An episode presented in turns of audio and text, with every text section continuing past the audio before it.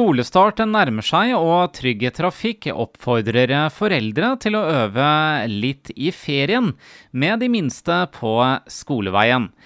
Regionleder i eh, Trygg Trafikk i Viken, Nina Gjervik. Er skolestart eh, første møte med trafikken for mange førsteklassinger?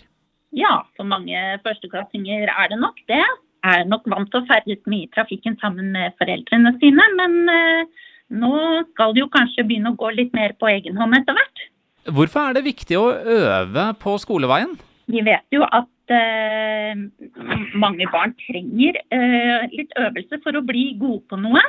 Eh, de har jo ikke så stor eh, trafikkforståelse som eh, vi voksne har. Og for å få det, så kreves det trening. Og her tenker jeg at da har foreldre og andre foresatte en god mulighet nå før skolestart.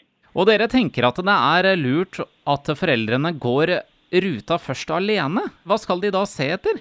Ja, det tenker vi er lurt. Fordi mm, vi foreldre vi, jo, vi kjører jo ofte, eller vi går kanskje ikke den uh, turen til skolen sånn som barna skal gjøre etter hvert. Og det tenker jeg er fint å starte med å gå runden sjøl. Uh, gjerne på et tidspunkt som det faktisk er litt trafikk.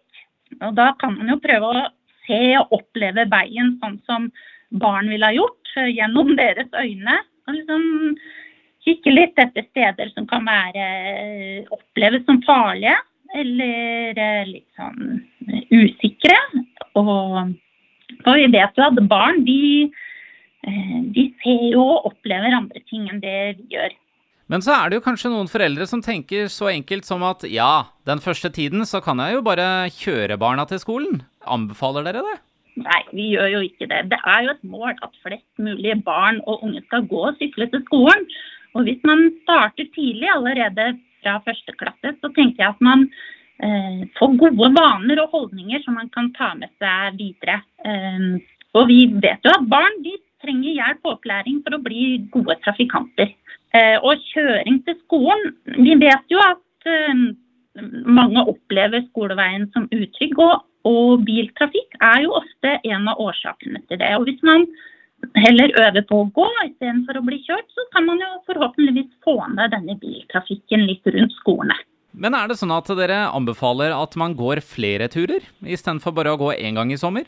Ja, jeg tenker at uh, etter den første turen som uh, de voksne har gått alene, så tar man med seg barna flere ganger. Og så kan man gå, uh, gå, ruta, eller prøve å finne den tryggeste ruta. Ofte jo, kan det jo være andre alternativer som er tryggere enn den man først kanskje så for seg. Og så kan man, voksne og barn, gå og snakke litt sammen om hva de ser eh, langs ruta. Og så kan man kanskje samtale litt om hva som det er lurt å tenke på, og hva barna ser, eller hva de opplever som, eh, som farlig, kanskje. Og mm, man kan jo snakke om det her med å se seg til begge sider, eh, bruke sansene, få øyekontakt med bilsjåfører, eh, lytte. Hvor er det trygt å krysse veien? Kan man ha en samtale rundt det når man går, går eh, til skole. Så vet jeg at disse skolestartskiltene langs veiene kommer jo opp i disse dager. Og dette er jo for å gjøre bilistene mer oppmerksomme på de minste som begynner på skolen. Bilister kjører jo ofte på gammel vane, og, og håpet er jo at disse mm, skiltene skal gjøre eh, bilister generelt mer oppmerksomme på at nå er det skolestart. Så oppsummert, eh, bruk de neste tre ukene frem mot skolestart til å øve på skoleveien. Ja, og også etter skolestart. Man kan jo som foreldre også prøve å få til følgegrupper mm, for barn som bor i nærheten av hverandre.